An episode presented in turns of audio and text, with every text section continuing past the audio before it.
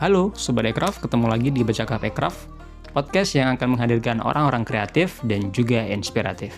Seperti biasa, saya Bams akan menemani kamu selama satu jam ke depan, ngobrolin tentang banyak hal, terutama tentang bisnis, UKM, dan juga budaya Jambi.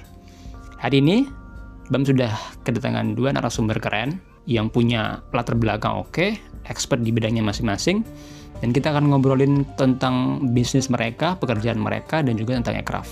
Langsung saja kita perkenalkan narasumber hari ini.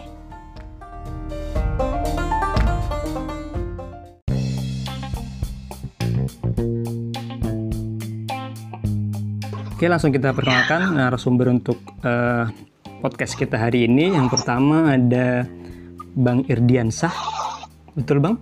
Bang Irdiansah ya?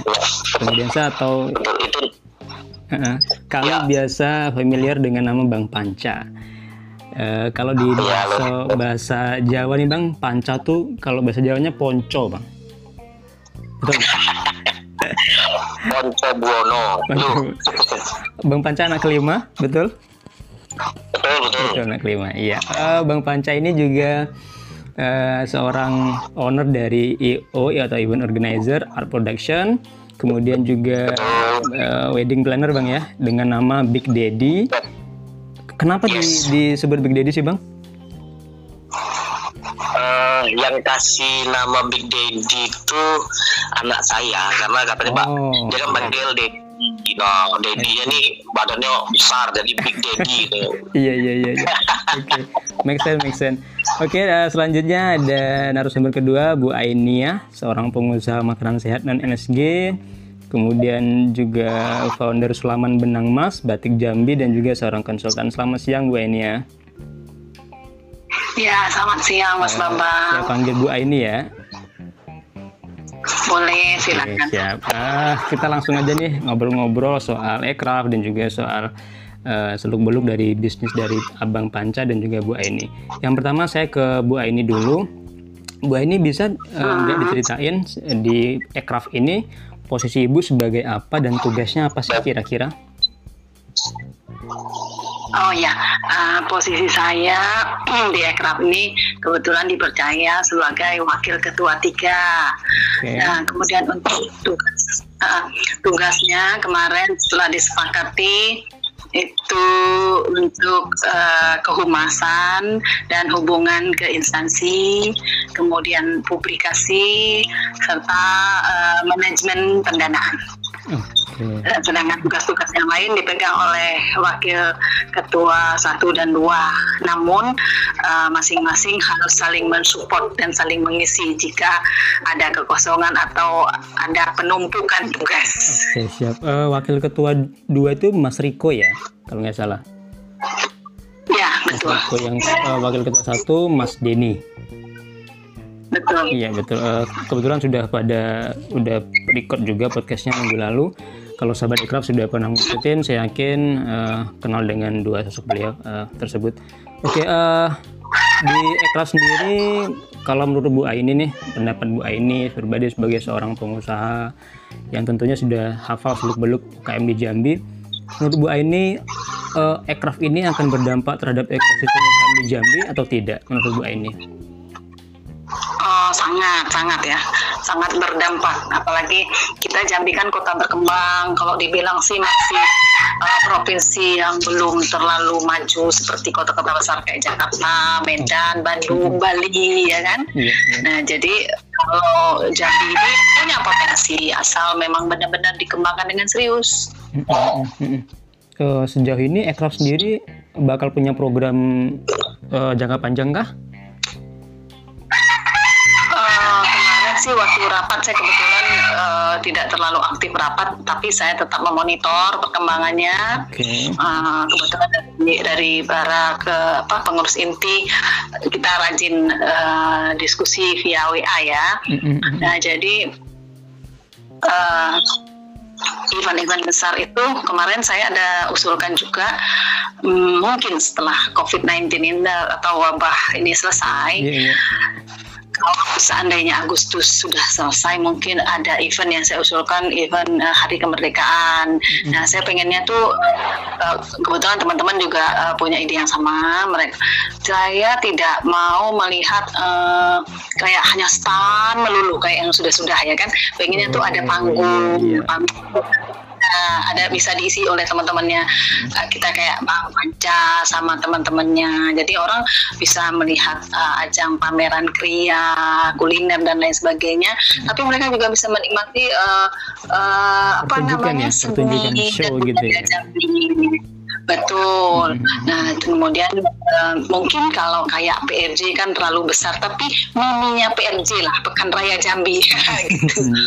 Jadi saya Iya, saya, uh, saya punya impian seperti itu. Kemudian ada juga usulan dari Pak siapa Pak Ketua Pak Berlian ada uh, storytelling, ada talk show juga, kemudian ada diskusi. Jadi sehingga uh, itu menarik gitu ya. Kemudian saya juga punya ide uh, bagi yang bergerak di sektor kuliner bisa mereka show langsung cara masak bagaimana, masak uh, produk ini, hmm, produk betul, itu betul, gitu. Ya. Artinya tidak tidak kita tidak pakai cara lama lah ya, sedikit modifikasi komunikasi di sana sini sehingga acaranya juga jadi lebih menarik bu ya betul kita ikutin istilahnya zaman now lah jangan kalau yang dulu dulu kan zaman orang tua gitu iya, dulu gitu kan ya, ya. iya nah, sudah tengok-tengok gitu ya kan iya kalau misalkan kalau zaman kita ini memang kita sih udah berumur terutama saya ya. Iya. Yeah. Tapi ikut perkembangan saya ngeliatnya bosan lah kalau kayak gini terus gitu kan ya. Iya. muda bu. Nah, iya. Jadi misalnya mudah-mudahan ada perkembangan dan ada kesempatan ya. Oke. Okay. Oke, okay, uh, eh, saya ke Bang Panca. Bang Panca. Halo Bang Panca. Halo. Ya, uh, kalau Bang Panca sendiri di Ekraf, uh, boleh ceritain Bang sebagai apa Bang?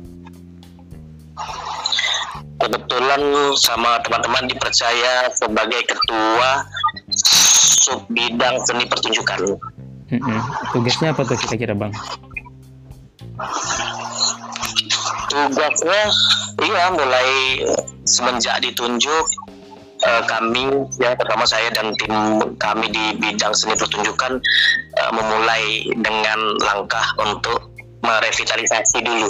Jadi seni pertunjukan Jambi sebenarnya menarik jadi merevitalisasi maksud kami tadi itu bukan merevitalisasi dari nol lagi, tapi sebenarnya uh, apa ya mengulang saja, mm-hmm. uh, mengulang karena dulu kami pernah punya uh, punya pernah punya program yang sama bersama uh, untuk merevitalisasi seni pertunjukan karena uh, dulu seni pertunjukan Jambi ini menarik dan sudah pernah mendapat penghargaan uh, bagus di luar. Gitu. Iya, iya, iya.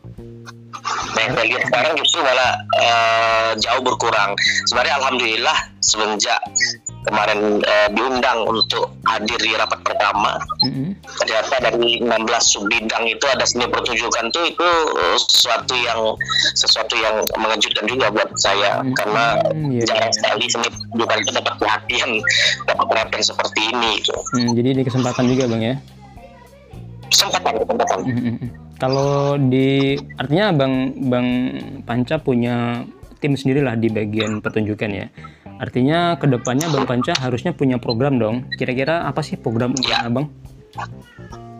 Ya, program program kami terutama untuk di tahun ini ya di dari seni pertunjukan hmm. selain memang ada beberapa event tadi seperti yang salah satunya yang disebut sama Ibu Aini tadi kan hmm. itu sebenarnya eh, bagian saja dari euforia eh, event ya hmm. eh, tapi bermanfaat bermanfaat karena itu tadi saya bilang dari awal waktu pas di bertemu dengan teman-teman juga di Ekraf saya sampaikan coba untuk uh, mindsetnya dirubah sedikit jangan jangan lagi uh, jangan lagi terbiasa jadi undangan saja tapi kenapa tidak jadi penyelenggara gitu. Mm-hmm.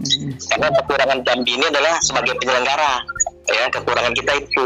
Bukan cuma dari segi pameran dan lain-lain kalau event-event ini. Dari semua segi pertunjukan lah event-event lah. Kita ini selalu jadi undangan mm-hmm. jadi kayak kayak enggak jadi tuan rumah itu padahal pada saat kita mencoba untuk jadi tuan rumah mungkin akan band ya akan beda mindset ya orang dengan Jambi pun juga akan beda mm-hmm. ingat Palembang nggak Palembang itu dulu juga sama saja dengan Jambi yes. jadi pada saat berani untuk mengekspos diri jadi tuan rumah pon kan nggak tuan rumah pon di Sumatera mm-hmm. Palembang tuan rumah semenjak itu berkembang terus sampai Singgin bahkan sampai Asian Games mm-hmm. lihat perkembangan Palembang hari ini Yes, yes, yes. Oh Jambi, Jambi terbelakang enggak. Jambi hari ini luar biasa perkembangannya. Tinggal berani nggak kita untuk apa mengeksplor uh, untuk menjadi tuan rumah atau untuk menjadi penggagas. Jangan cuma jadi bagian dari yang sudah digagas. Mm-hmm. Artinya, gitu. uh, artinya pemerintah juga harus Jadi, ambil inisiatif, bang ya. Ya, Mas Bam, program kami di tahun ini sebenarnya lebih memang ke ini apa ke revitalisasi tadi jadi kalau hmm. revitalisasi tadi kita udah uh, ulang kembali, jadi kita mulai data lagi, kita akan enak. Jadi seperti yang Ibu Aini bilang tadi di misalnya di satu expo, misalnya apa PRJ tadi, ini PRJ Uh, kita buat situ ya bukan cuma sekedar pertunjukan musik saja panggungnya tapi juga akan berbeda karena saya pernah punya pengalaman di satu event internasional Jambi tuan rumah yeah. waktu itu Jamburi Jamburi masyarakat eh, tentang lingkungan gambut ya okay. saya saya jadi uh, di Gor Kota Baru itu uh, kontennya yang saya berikan kepada panitia besarnya mm-hmm. itu kami buat ada pameran ada talk show ada penampilan penampilan penampilan seni nah penampilan seni itu saya minta masing-masing eh, dari seluruh Indonesia itu ya begitu juga sambutan yang baik dari panitia besarnya hmm. untuk mereka akan tampilkan kesenian uh, tradisi dia di di atas panggung. Hmm. Jadi kita akan lihat itu gitu. Kita dulu pernah punya punya acara luar biasa tapi hilang lagi itu. Hmm. hmm, hmm, hmm. Menurut menurut Bang Panca, ya. menurut Bang Panca penyebabnya apa ya? Kenapa uh, pemerintah kita nggak bisa ke situ? Maksudnya serius serius dengan konsep yang bagus seperti itu? Ya sebenarnya bukan nggak serius tapi uh, penyampaian. Hmm. penyampaian. Uh, jadi data. Itu juga penting. Makanya revitalisasi tadi kan bilang. Hmm. dulu kita pernah punya event namanya Jambi Art Festival. Luar biasa. Kita punya pekan seni pertunjukan tradisional. Kita punya pekan seni pertunjukan tradisional loh. Hmm. ya dan itu dihabiskan hilang. Dianggap menghabiskan menghambur-hamburkan uang. Padahal padahal itu enggak. Bagus. Eh, untuk bagaimana meningkatkan apalagi kami dari seni pertunjukan tadi yeah, ya. yeah. jadi kawan-kawan yang berkiprah di seni pertunjukan dia punya panggung dia punya fasilitas. Inilah yang mau kita kita kembalikan lagi gitu semangat itu kan kita kembalikan lagi. Dulu di Jambi Art Festival itu ada enam negara yang hadir. Wow dan hari ini saya lucu baru waktu pas rapat mm-hmm. ditanyain emang bisa kita ini kenapa nggak bisa? Dulu bisa kok sekarang nggak bisa? Ngapain? Sekarang tuh nggak harus bisa. Ya kalau sekarang uangnya lebih banyak orangnya lebih pintar-pintar kan gitu katanya kan? iya, betul betul setuju setuju. Bukan bukan masalah tidak serius bukan tapi kurang uh, datanya. Hmm, uh, kan dalam rapat saya sempat menyampaikan bahwa oh ternyata Jambi pernah oh bang pernah Jambi lu pernah. Lah berarti kan datanya nggak nyampe. Iya, betul, Jadi, betul. ada revitalisasi selain kami kemarin saya sempat ngobrol dengan Datu Jainu juga. Mm-hmm. revitalisasi yang maksud adalah bukan cuma sekedar seni pertunjukan saja tapi apa yang nanti digali dalam satu revitalisasi itu selain seni pertunjukan di situ ada budaya di situ ada kriya di situ ada apa segala macam. Banyak ya banyak yang nah itu mau kita angkat satu satu program revitalisasi secara besar. Revitalisasi komite ekonomi kreatif ya Oke, mantap. Jadi 16 bidang ini sebenarnya sangat mungkin dalam satu program revitalisasi itu akan mencakup semuanya. Iya, iya, iya. iya. Mantap, mantap. Oke, Bang. Saya ke Bu Aini. Mm -hmm. Ya, Bang. Mas Bang pernah dengar ini nggak? Pernah dengar Dul Muluk nggak? Uh, kalau saya pribadi pernah dengar sekilas sih Bang, tapi tidak ngerti dan belum kenal tokohnya Bang keren. Itu kayak kayak kayak apa? Kayak ketopraknya di Jawa tuh ketoprak namanya ya. Mm-hmm. ketoprak ya, orang ya ini dulu nih orang bermain bersandiwara bercerita mm-hmm. tentang rakyat sambil sambil lakon lakon komedi. Keren mm-hmm. kalau ditampilkan manis lucu-lucu. Gitu. Oke okay, bang. Silakan silakan. Siap uh, saya ke Bu Aini ya. Bu Aini. Ya. Bu ini, uh, Bu ini kan sebagai selain sebagai seorang pengusaha, juga seorang konsultan. uh, di bagian di di di sektor usahanya kan Bu ini lebih banyak di kuliner dan fashion. Mungkin bisa Ibu ceritakan Bu, uh, usaha ini kapan berdirinya, kemudian kendalanya apa saja selama ini? Iya, kalau um, kapan berdirinya sih resminya 2007 tapi kalau saya merintisnya dari eh, dari saya sejak SMP. Nah oh. kebetulan Sulaman itu memang uh, budaya turun temurun di seberang ya. Kebetulan saya orang seberang asli. Nah itu memang dari nyai nyai saya dulu itu memang nyulam benang emas, kelingkam dan lain sebagainya itu emang udah budaya. Mm-hmm. Kebetulan uh, bisa dipakai untuk apa namanya istilahnya rano. Rano itu uh, tempat duduk pengantin atau pelaminan lah bahasa Indonesianya. Mm-hmm terus bisa dibuat uh, hordeng dan lain sebagainya. Nah seiring waktu kebetulan uh, saya sekolah terus kuliah terus kerja bukan di bidang itu okay. sementara itu tidak terlalu fokus nah fokusnya mulai 2007 2007 itu mulai fokus hmm. uh, brandnya apa bu? Uh, uh, brandnya itu uh, Rizkia kalau untuk makanan Rizkia dan hmm. Maharani kalau hmm. kalau makanan itu saya uh, kuliner itu ada kerupuk Okay. Kemudian uh, saya pernah juga bikin ikan asin gabus sama tebakang karena kan gabus sama tebakang kan di Jambi uh, banyak ya, ya sama ikan sepat. Nah, hmm. uh, nah kebetulan saya bikin juga uh, sama kayak kita konsumsi, cuma pakai garam tok, tidak pakai apa-apa hmm, ya, dan cuma mengandalkan matahari ya. Hmm, hmm, hmm. Nah jadi istilahnya pengawetnya hanya matahari dan garam. Hmm.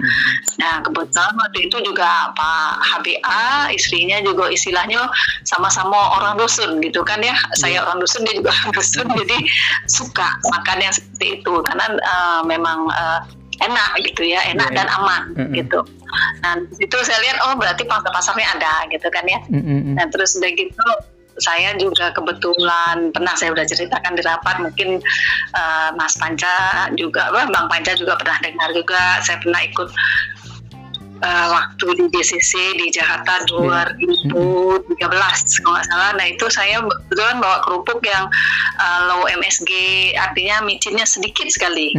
Terus ada yang teringat uh, dan dia kebetulan memang toko yang menyediakan makanan sehat untuk anak-anak autis, anak-anak berkebutuhan khusus, terus uh, penderita kanker dan orang-orang yang menjalani pola hidup sehat ya.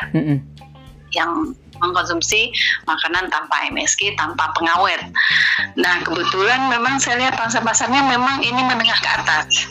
Yeah. Uh, mereka memang uh, care dan aware sekali dengan hal yang ini dan alhamdulillah sampai sekarang uh, berlanjut.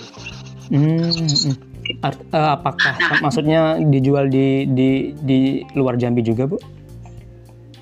Memang di luar di luar Jambi saya jualnya justru. Justru di luar Jambi ya. Jadi Kenapa, kenapa nggak di Jambi? Jambi. Uh, di Jambi uh, pangsa pasarnya kurang karena mereka oh. lebih banyak ya jujur aja lebih konsumen kita di Jambi ya? lebih banyak kenapa? Lebih suka pempek bu ya? Apa? Lebih suka pempek mungkin bu? Bukan, pempek pun saya jual juga. Oh. Pempek saya jual juga yang oh. tanpa MSG dan memakai ikan gabus, ikan gabus asli kebetulan produk saya itu sama mereka yang di Jati Bening Bekasi sudah diuji di lab.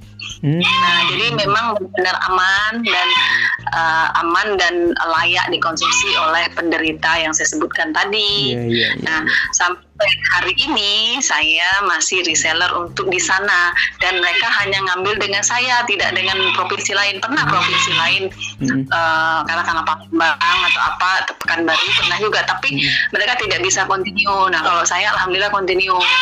Hmm. Nah, kalau kendala yang Mas Bambang tadi tanyakan, yeah, itu iya. pertanyaannya yeah. bagus. Kenapa tidak dijual di Jambi gitu kan betul, ya? Betul. Saya jual di Jambi, tapi pangsa pasarnya kurang.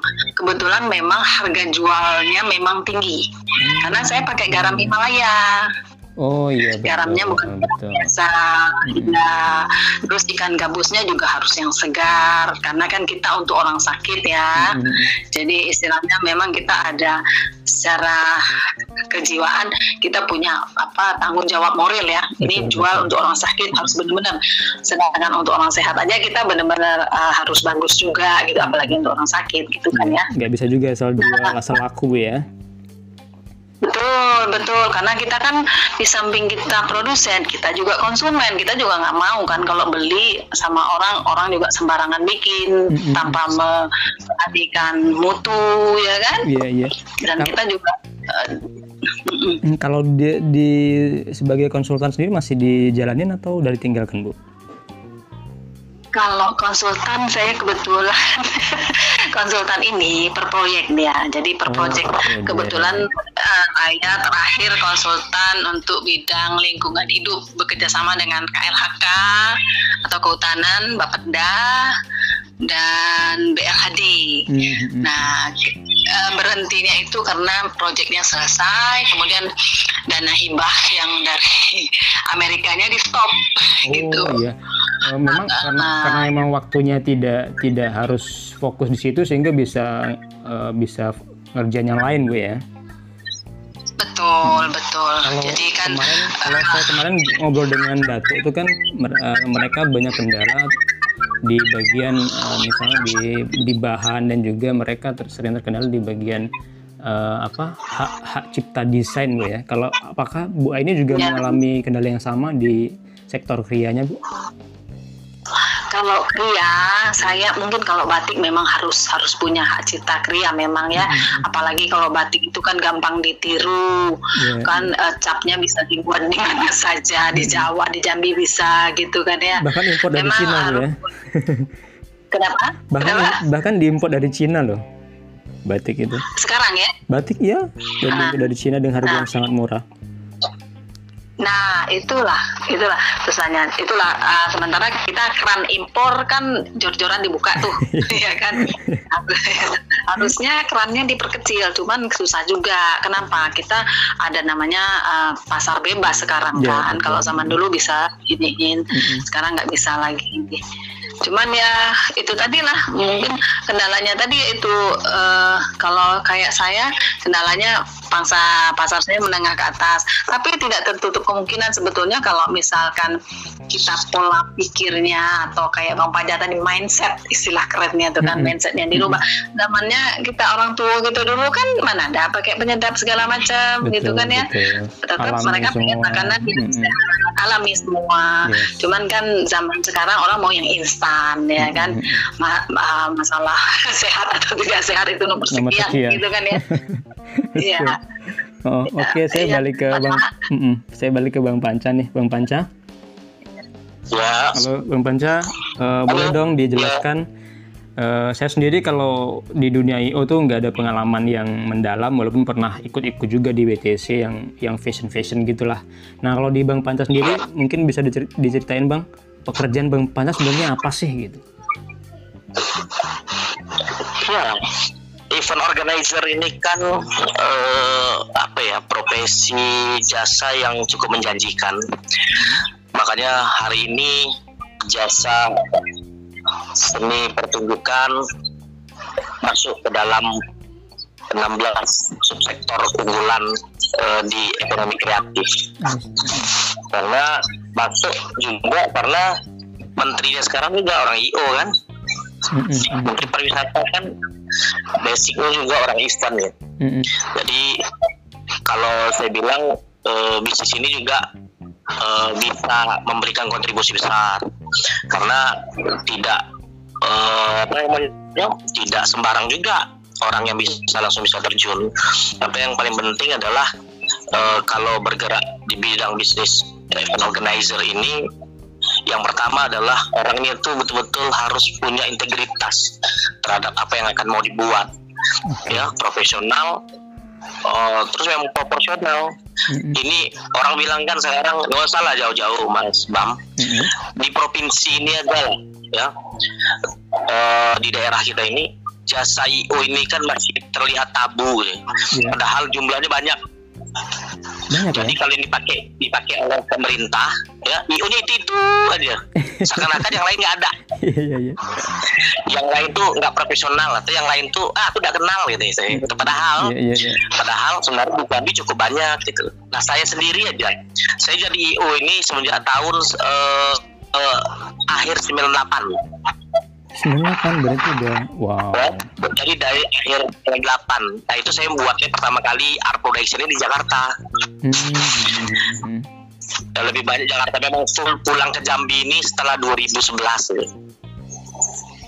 Kalau dulu memang memang di Jakarta saja karena saya anggap bahwa event-event itu ya memang dari pusat karena Jambi kan sifatnya cuma cabang saja. Hmm. ya kayak uh, kalau event ini kan banyaknya dari pihak swasta terutama dari pihak-pihak ya kayak brand-brand lah ya. Hmm. itu kan semuanya dari pusat.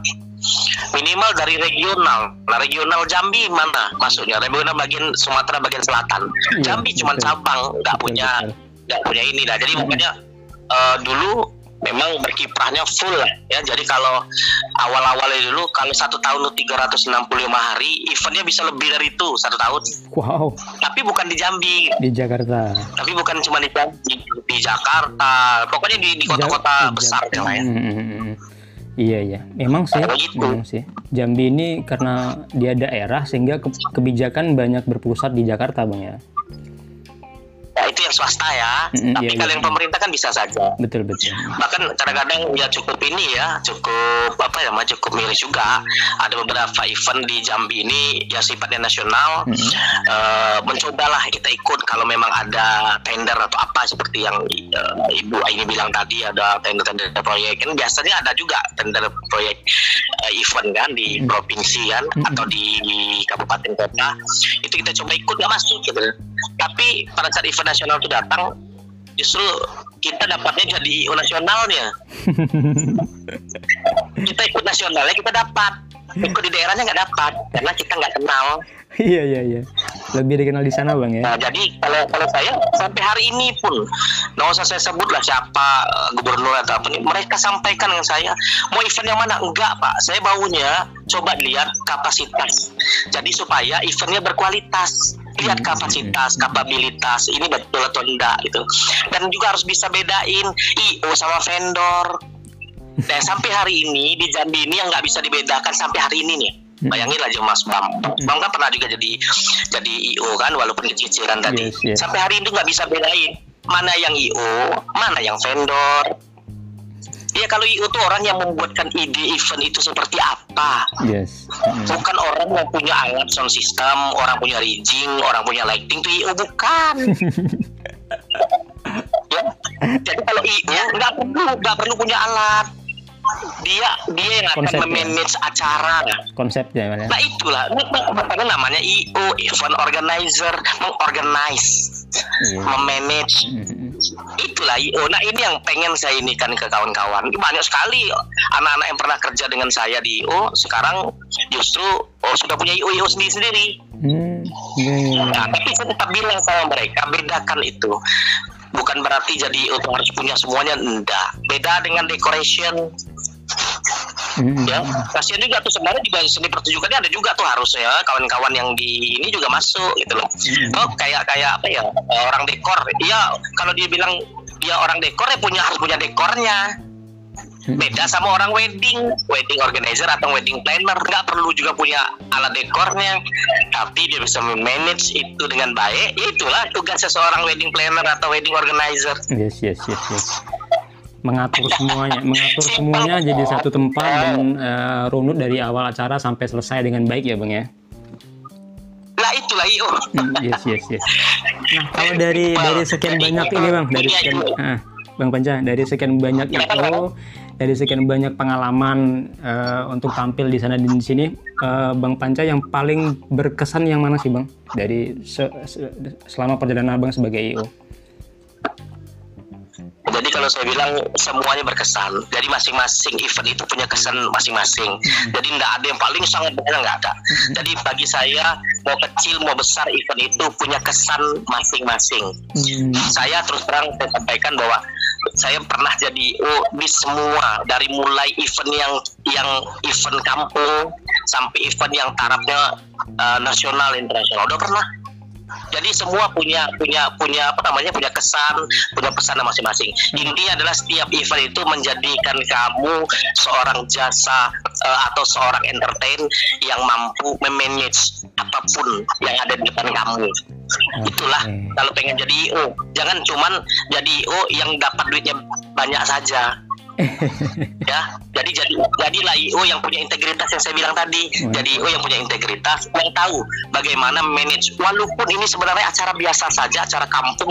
Kalau kamu punya integritas terhadap satu pekerjaan kamu sebagai jasa entertain kamu akan buat tuh acara yang kampungan tadi juga punya punya punya standar gitu. Mm -hmm. ada kelasnya Jadi lah. semua, semua itu kita anggap sama saja. Jangan kita pernah beda-bedakan itu.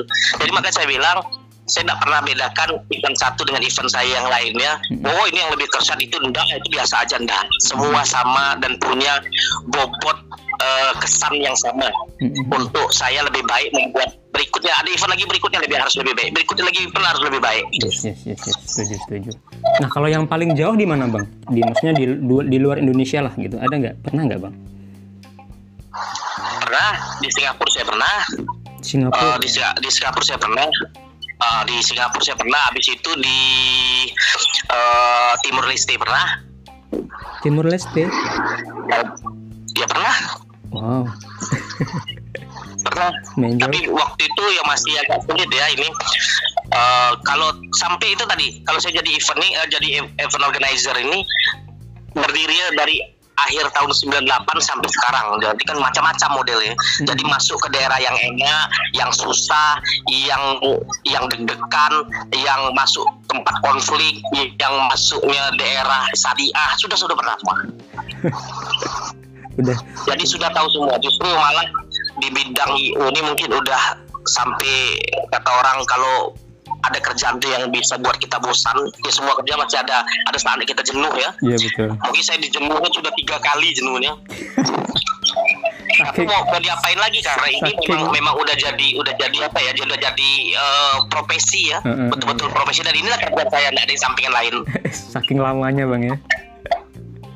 Iya. Oke. Oke saya ke Bu ini Bu ini ya, ya. Ya. Bu Ani uh, dengan perjalanan panjang sebagai pengusaha kuliner dan juga kria, apa sih rahasia Bu Aini sehingga bisa bertahan Bu sampai sekarang? Um, rahasianya sih apa ya? Rahasianya kalau menurut saya harus pintar-pintar membaca uh, peluang dan uh, kondisi pasar.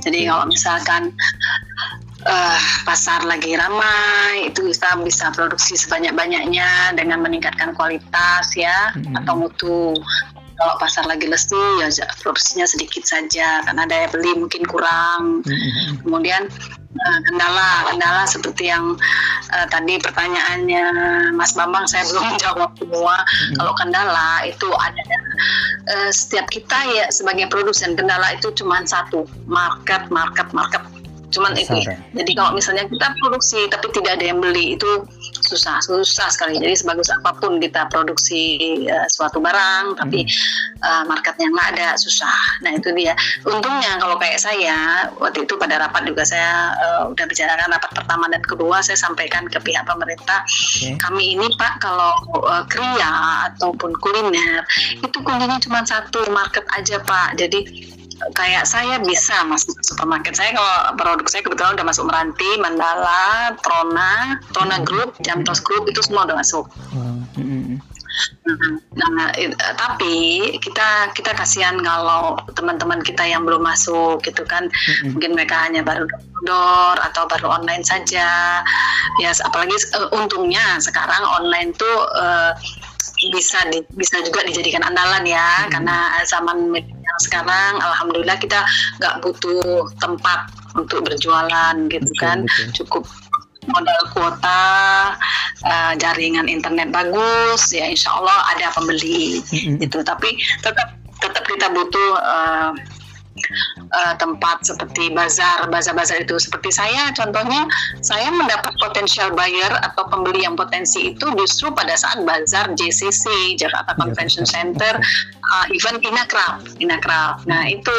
Nah sampai sekarang uh, masih berlanjut. Nah sayangnya sekarang kita terkendala masalah ini ya wabah ini. Oh, wabah, betul. kalau uh, sebetulnya kemarin kan kita udah planning tuh mau ikut Inakraf terus oh, iya, uh, pending semua bu ya eh terpending semua itu event besar hmm, nah, terus malah saya juga pengen mengajukan ikut ini Jakarta Fair atau PRJ hmm. itu Jakarta Fair itu main besar tuh saya pernah loh Iya, itu event besar kan 40 hari ya hmm. uh, pada saat musim anak libur sekolah kan. Betul, betul. Nah, saya sedih waktu itu waktu zaman saya kuliah di sana.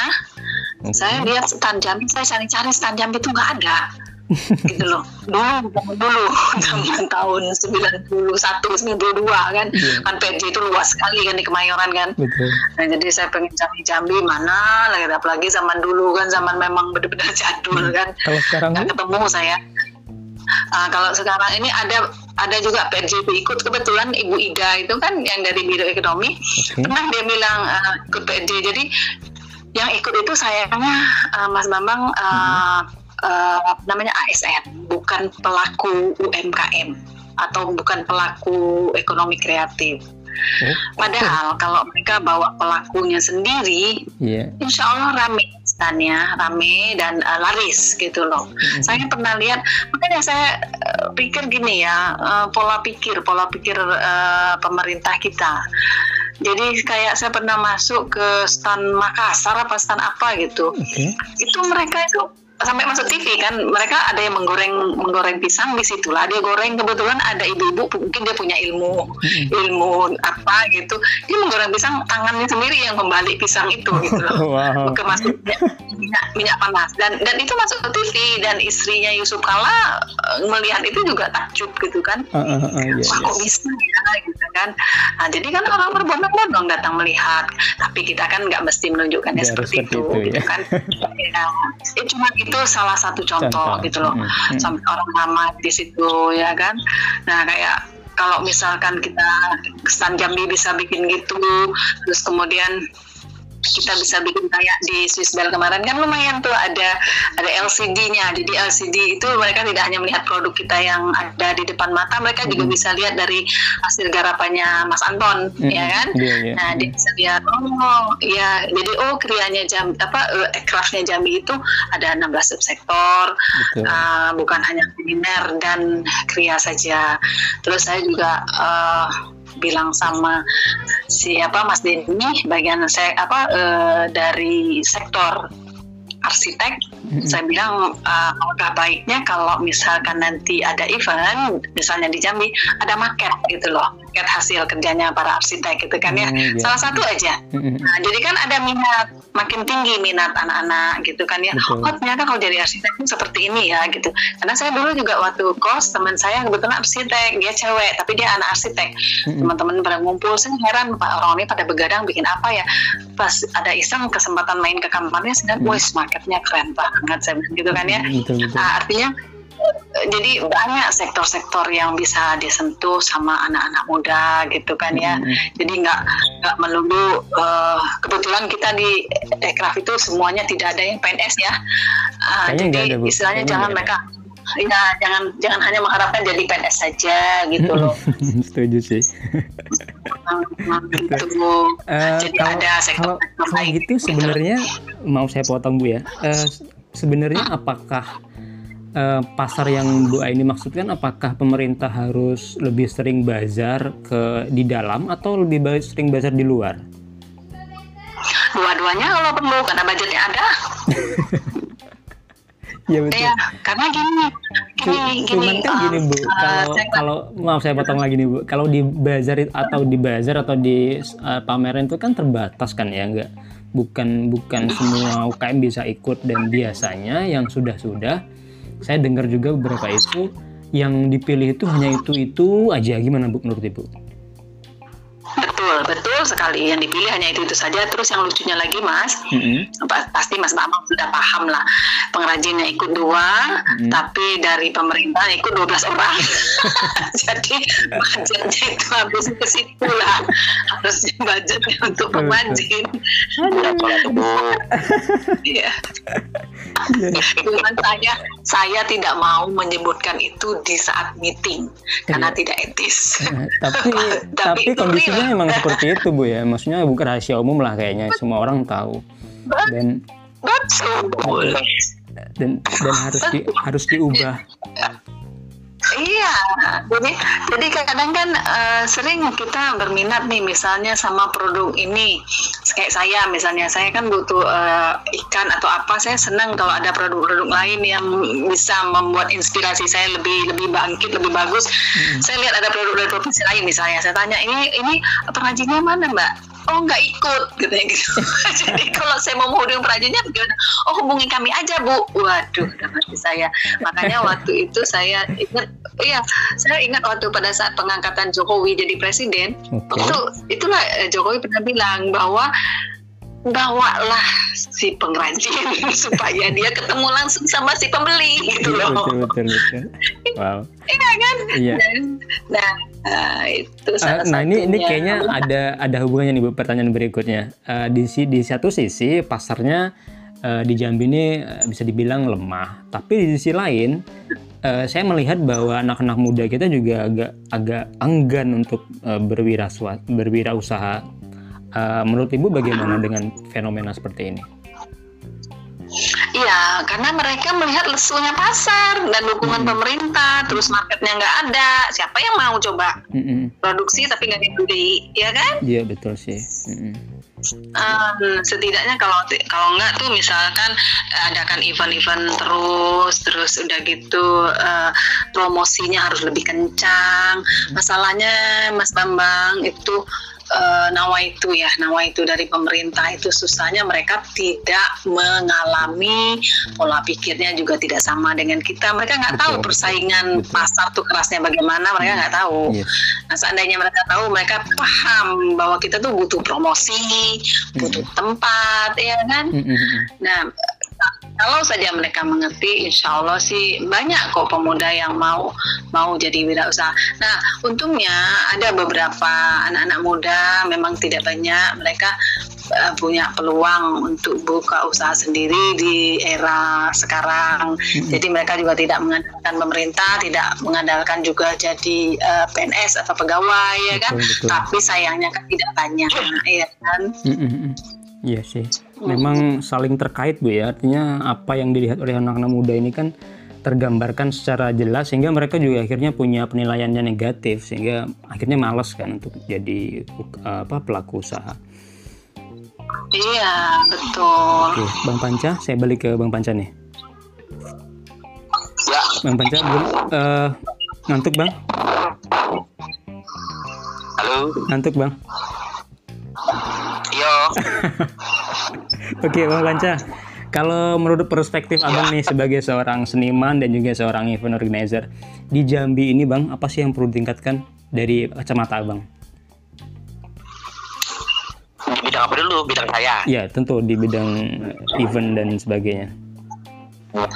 Kira kalau global kan banyak. Kalau di bidang saya yang perlu tingkatkan satu kepercayaan terhadap anak-anak lokal ini yang punya uh, usaha uh, sebagai entertainment ini. Mm-hmm. kasihlah kepercayaan. Jangan dianggap dianggap sebelah mata terus. Yes, yes.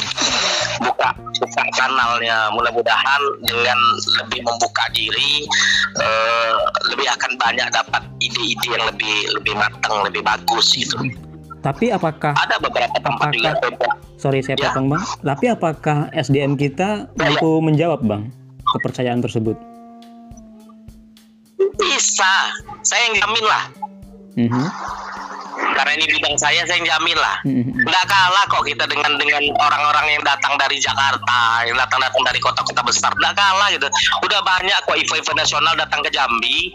Mereka cuma datang satu dua orang yang dapat nama mereka yang kerja. Budak Jambi. Yang dapat menama siapa bang? Miris nggak tuh?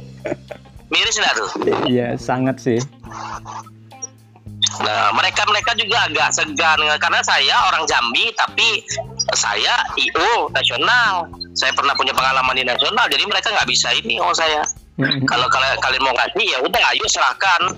Memang diserahkan sepenuhnya kita jalanin, jangan kamu seakan-akan yang ininya gitu. Mm-hmm.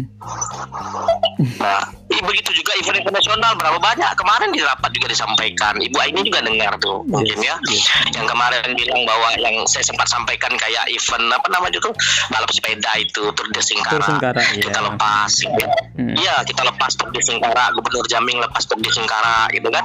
Tapi tetap aja orang lihat di TV kan Gubernur Jambi lepas uh, balap sepeda nasional bahkan internasional tapi belakangnya Tour de Singkara. Kan tidak mungkin jadi Tour tidak mungkin itu jadi acara Jambi kan? Yes betul sih Padahal ya, di, di ya, ya. Mencoba saja. Saya bilang itu mencoba saja untuk ya undang dong kami. Kami ini bukan jumlahnya bukan se, uh, satu dua orang. Jumlahnya ratusan ada di Jambi ini. Mm-hmm, yang bisa memberikan kontribusi ide untuk daerah ini yang bisa menjadi sesuatu. Contoh lah mungkin di luar dari ini kami. Saya ini selain entertain dari dulu awal-awal uh, apa awal-awal 2000 dari uh, akhir 90-an saya ini penari penari di gubernuran saya penari tim kesenian gubernuran mm-hmm. banyak sekali yang sudah kita buat gitu ya mm-hmm. itu bahkan kami kalau dari fashion kami pernah bahkan kami pernah fashion show di London loh wow. bawa batik Jambi kita fashion show-nya di London, bukan kita fashion show-nya di Jakarta. Dan itu nggak pernah lagi jalan, nggak pernah lagi. Sekarang itu sudah seakan-akan seakan-akan Jambi tidak pernah kayak gitu gitu. Ya. Habis itu saya sendiri pernah nih sama uh, mantan gubernur kita uh, Bapak Zumi Zola. Mm-hmm. itu pernah kami uh, Pak Zulkifli Nurdin jadi gubernur ya. Kita fashion show di Singapura. Batik Jambi juga? Batik Jambi baju pengantin. Mm-hmm. kita fashion show. Semasuk saya oh saya jangan lihat bignya sekarang dulu kurus dulu kita juga jadi model dulu iya, iya, iya. kita pernah fashion show oh, saya ikut itu gitu karena, karena saya yang saya sampaikan ini yang pernah ya saya langsung lakukan juga gitu. mm -hmm. jadi itu tadi lah saya bilang kepercayaan itu penting untuk diberikan mm -hmm. jangan sedikit-sedikit bawa nganggap anak Jambi ini elah budak budak dusun kata ibu ibu Aini tadi ya budak dusun kini mindsetnya internasional bu Pak hmm. bilang saya bilang gitu makanya saya bilang waktu dalam rapat tuh saya agak ini saya sampaikan macam-macam gitu bahkan kita pernah jadi uh, apa penampil seni pertunjukan terbaik sedunia wow. di Prancis yes, yes, yes.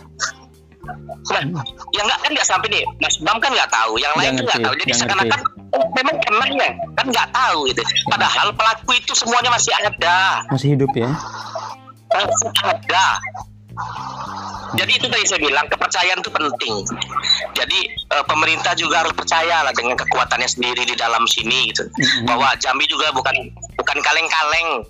Mm-hmm. Kalau untuk untuk jasa event organizer terutama ya, kami tidak tidak tidak takut tidak takut kalah saing kan. Mm-hmm. takut kalah. Nah, Kita yakin dengan kekuatan yang ada di Jambi. Mm. Artinya ada di Jambi ada ada peningkatan lah bang dari segi SDM-nya, kualitasnya gitu ya. Tapi dari ya iyalah, karena juga sudah tinggi bos. Tapi dari 10 tahun terakhir bang, bang Panca nih, uh, ya. ada perbedaan nggak di industri pertunjukan bang di Jambi ini? Nah, ini sebenarnya tidak ada perbedaan, tetap aja seperti seperti cuman saja detailnya. Kalau dulu 10 tahun yang lalu itu seni pertunjukan ini masih mengangkat banyak bidang. Kalau sekarang, kalau sekarang, ya itu tadi acara-acara yang sifat instan saja. Mana yang gampang ya? Yang gampang ini lagi kita laksanakan jauh lagi yang naik jauh tuh gitu ya. gitu. Kalau dulu jangan konten itu penting gitu loh. Mm-hmm. Konten apa yang mau diisi itu penting walaupun yang ngisi nanti orangnya dari jauh datangnya. Oke. Okay. Tampilkan. Jadi kon- hanya perbedaan itu saja. Tapi dari dari uh, apa namanya uh, frekuensi dan volume acara event-event di Jambi ini uh, baik 10 tahun yang lalu maupun sekarang malah 10 tahun yang lalu lebih ramai dari sekarang. Oh ya? Kenapa bang? Lebih rame, jangan salah, lebih rame. Kita kita lebih sering, bahkan lebih lebih produktif, lebih membantu orang-orang jasa ini. Kalau sekarang konser free semua bos.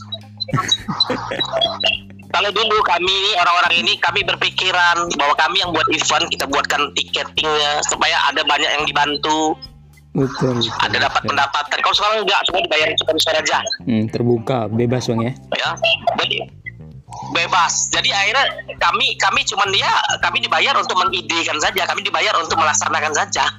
Mm -hmm, Nah bedanya itu. Jambi kayak tadi ada demo apa tadi masalah pameran. Jambi ini Bu Aini juga mungkin pernah dengar ini saya juga pernah sampaikan kita dulu pernah di zamannya Pak Abdul Sayuti kita punya bukan ikut pameran kita yang buat pameran di di apa Mall Pondok Indah ayo ya PIM ya Pondok Indah Mall ya Pondok Mall, Mall Jakarta. Kita yang kita yang pameran di sana Jambi dua lantai. Oh. tahun bayangin tuh tahun pernah buat itu tetapi itu sekitar tahun 90-an lah 90-an akhir ya akhir mau 2000 tahun 2000 gitu. Nah dekat pokoknya dekat habis masa jabatan beliau tuh waktu itu. Uh, mau pindah ke habis masa jabatan 10 tahun ya Nah itu dekat itulah karena saya juga ada di sana. Jadi di sana ada pertunjukan tari, ada pertunjukan yang musik tradisional, ada jualan jualan apa namanya kria-kria ini mau batik, mau seni ukir yang lain-lain, bahkan sampai jual kayu manis, jual cengkeh. Jadi orangnya langsung kita ini kan orangnya pengrajinnya ada langsung, yang penjual yang punyanya ada langsung gitu. Hmm. Artinya dan keras dan bagus gitu. Artinya sebenarnya justru ada penurunan bang ya dari segi kualitas dan ininya kontennya bang. Kalau saya lihat penurunan itu bukan dari segi pengrajin atau uh, apa ya kekuatan yang kita punya di sini bukan. Hmm. Penurunan ini karena faktor politik Oh, oh ya, ngerti ngerti ngerti. Faktor politik kok, nggak bisa kita pungkiri itu faktor politik kok. Ya yang yang yang Bang Panca maksudkan adalah ketika ini maksudnya adalah ketika pemerintah milih seseorang itu kan pakai ya istilahnya anggaplah penunjukan langsung atau ya, tender. Ya, masing-masing punya passion, masing-masing punya passion, hmm. punya punya punya pandangan yang berbeda itu. Hmm. Itu kan politik. Iya iya. Ya kan dulu zamannya Pak Jul justru malah kita pernah punya hampir mirip dengan kedutaan. No bayangin Jambi keren loh zaman Pak Jul di awal-awal kita punya kedutaan kedutaan apa ya uh, ekonomi ekonomi kreatif ini uh, di apa di di Singapura. Uh, ada ada tempatnya kita di sana pada saat diresmikan di diresmikan di Singapura itu bayangin aja kita sanggup mengundang Menteri Perindustrian Singapura untuk datang di acaranya. Oh, wow, yes, yes. luar biasa. Keren kan? Ya. Nah, tapi pernah tahu nggak ya kan? Sekarang enggak, pada saat saya ngomong dengan dia, maaf ya, bukan ya ini bukan dengan pejabat deh. Eh pejabat deh, eh emang pernah ya itu gitu kita kayak gitu dulu. Makanya tengok temuin humas atau temuin aset tuh tengok ada nggak kira-kira dokumentasinya itu kan jelas. Hmm, saya sempat sedih pernah mas, uh, mas di sini ya, sempat saya sampaikan. Yeah. Saya pernah nari di Hotel Indonesia dulu sekarang Hotel Kepinski ya Jakarta ya. Mm -hmm. Hotel Indonesia dulu kan. makanya benar itu Hotel Indonesia. Jadi saya uh, waktu itu saya jadi penari acara salah satu ini ya NU salah ormas di di NU mm-hmm. itu kami nari diundang acara muktamar itu pada saat kami di ruang stay di belakang kami lihat ada diorama sama foto-foto mm-hmm. di situ bayangin ya saya saya ini Pak Karno yang meletakkan batu pertama Hotel Indonesia Soekarno Insinyur Soekarno mm-hmm. bayangkan peletakan batu pertamanya saya lihat di samping Pak Karno itu berdiri ada tokoh ya di Jambi ini seniman orangnya masih ada itu adalah Taris Kapusiri Jambi hmm. Omar Suki Lazim namanya dia yang nyanyi nyanyi Taris Kapusiri itu dia berdiri di sebelah Soekarno nyanyikan lagu Kapusiri Pak Karno datang untuk meletakkan batu pertama Hotel Indonesia bayangin. Mm -hmm. wow. dan itu fotonya saya pernah lihat sendiri ada di Hotel Indonesia. Sekarang Hotel Indonesia.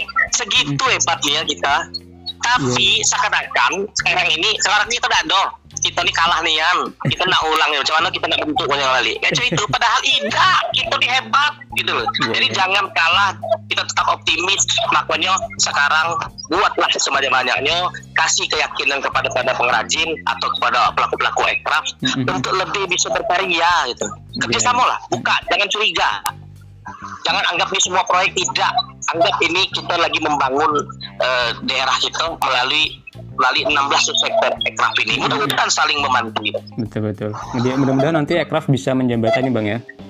Antara ya, semua, semua pihak lah sehingga bisa tersambung komunikasi yang baik ada kepercayaan ada untuk kepercayaan ya, betul. Trust itu apa pun baik politik maupun budaya maupun bisnis hmm. trust itu number one. Betul betul. Nah bang Panca sendiri punya pesan khusus dah bang untuk uh, eh, mereka mereka atau pendengar Beca Cafe Craft yang mungkin punya ketertarikan di dunia pertunjukan tapi tidak dapat kesempatan bang? Apa pesan bang Panca kira-kira? Ya kalau ke depannya mungkin itu tadi ya seperti yang saya sampaikan tadi yang jelas kalau pengen terjun ke dunia entertain ini dunia event organizer ini dunia seni pertunjukan ini atau jadi seniman dunia pertunjukan ini yang pertama adalah integritas ya. Mm-hmm. kedua betul-betul dominan. Ketiga perbanyak jam terbang. Jangan alergi dengan kawan-kawan yang sudah pernah duluan membuatnya ya. Jangan pernah alergi perbanyak perbanyak uh, pengalaman perbanyak jam terbang untuk uh, jadi orang yang bisa memanage satu event atau acara. Itulah sebenarnya simple simple gampang tapi kalau di, dibuat uh, kalau dibilang gampang dia juga tetap susah. Jadi intinya adalah integritas dan profesionalitas. Oke siap mantap. Uh, Bu Aini ada pesan Bu untuk sobat aircraft yang mungkin punya niat buka usaha tapi masih ragu-ragu Bu Ya, um, yang jelas kalau misalkan ada yang berminat um, membuka usaha, nomor satu tuh memang harus serius. Terus diawali dengan modal kecil dulu, jangan langsung besar. Karena kan kebanyakan, maaf ya Mbak Mas Bambang, kebanyakan orang kalau mau usaha itu mereka rata-rata pengen yang kelihatan wah dulu gitu loh, kelihatan keren, gitu kan kekinian. Betul. Tapi eh, mereka melihat uh, pangsa pasarnya. Jadi mulai dulu yang kecil-kecil. Jadi kalaupun misalnya gagal, oh coba yang lain lagi gitu loh. Jadi jangan jangan berhenti sampai situ, jangan putus asa. Itu aja kuncinya.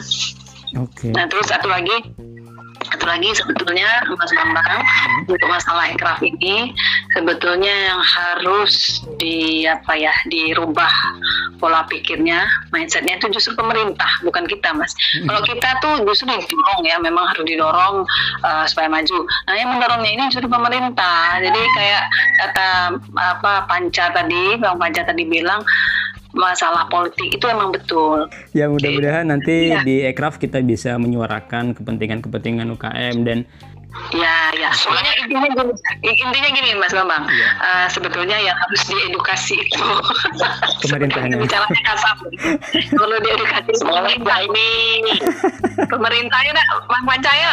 Uh, karena zamannya Ibu Lili, zamannya Ibu Ratu, alhamdulillah uh, kita itu ada ada ini ada perhatian lah dari mereka. Saya aja Ibu Ratu itu dia beli produk saya dia tidak beli lewat saya, tapi pokoknya saya tahu oh ini yang beli Ibu Ratu satu nah, dan saya pernah lihat juga di rumah gubernur hmm. saya lihat kaligrafinya ini punya saya alhamdulillah gitu, gitu kan ya oke benar-benar bang Panjang mau nambahin bang iya.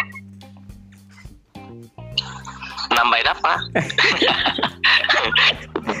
pokoknya penting semangat aja lah okay, okay. mudah-mudahan dengan ekran eh, dengan dengan berdirinya kom, uh, apa namanya komite, komite ekraf ya. Jambi ini mudah-mudahan ke depan uh, apa namanya pemerintah juga mempunyai banyak lebih uh, lagi uh, keterbukaan uh, lebih banyak lagi data-data dan channel-channel dari sekian banyak teman yang ada dalam komite ekraf ini agar jangan lagi seperti yang Ibu Aini sampaikan tadi hmm. jadi jadilah uh, pemerintah yang betul-betul aware gitu ya terhadap apa yang menjadi kekuatan ekonomi kreatifnya sendiri di daerah ini Betul. jadi jangan terlalu bangga dengan hal-hal yang ada di luar sana nggak usah hmm. Yakinlah yakinlah bahwa Jambi bisa jauh lebih baik kalau memang ini semua jadi satu kesatuan gitu. Okay. Ya, ya terus terus terus satu dan yang paling penting kalau ekraf ini maju ekonomi Jambi maju itu yang punya nama pemerintah kok. UMKM nggak nggak nggak terlalu ini yang yeah. punya nama oh ini zamannya si ini uh -uh. Oke, okay, okay. uh, Bang Panca dan Bu Aini, uh, kita udah di penghujung acara. Terima kasih untuk waktunya Bang Panca dan Bu Aini. Ya, sama-sama. Uh, ya, uh, mudah-mudahan semakin sukses dengan bisnis dan pekerjaannya. Uh, jaga diri, Amin. jaga kesehatan. Salam untuk keluarga ya, Bang Panca dan Bu ini. Assalamualaikum. Jangan lupa di rumah aja. Oke, okay, assalamualaikum. Di rumah baik. Oke, okay. Ya. Assalamualaikum, Bang.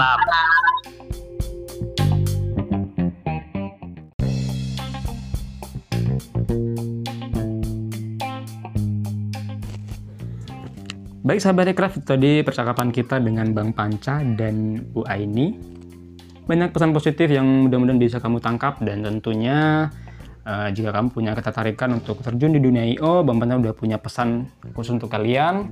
Dan jika ingin terjun ke dunia bisnis atau uh, usaha kecil, gua ini juga udah berikan beberapa rahasia kecilnya dan mudah-mudahan kalian bisa ambil hikmah dan belajar dari uh, kedua narasumber kita hari ini.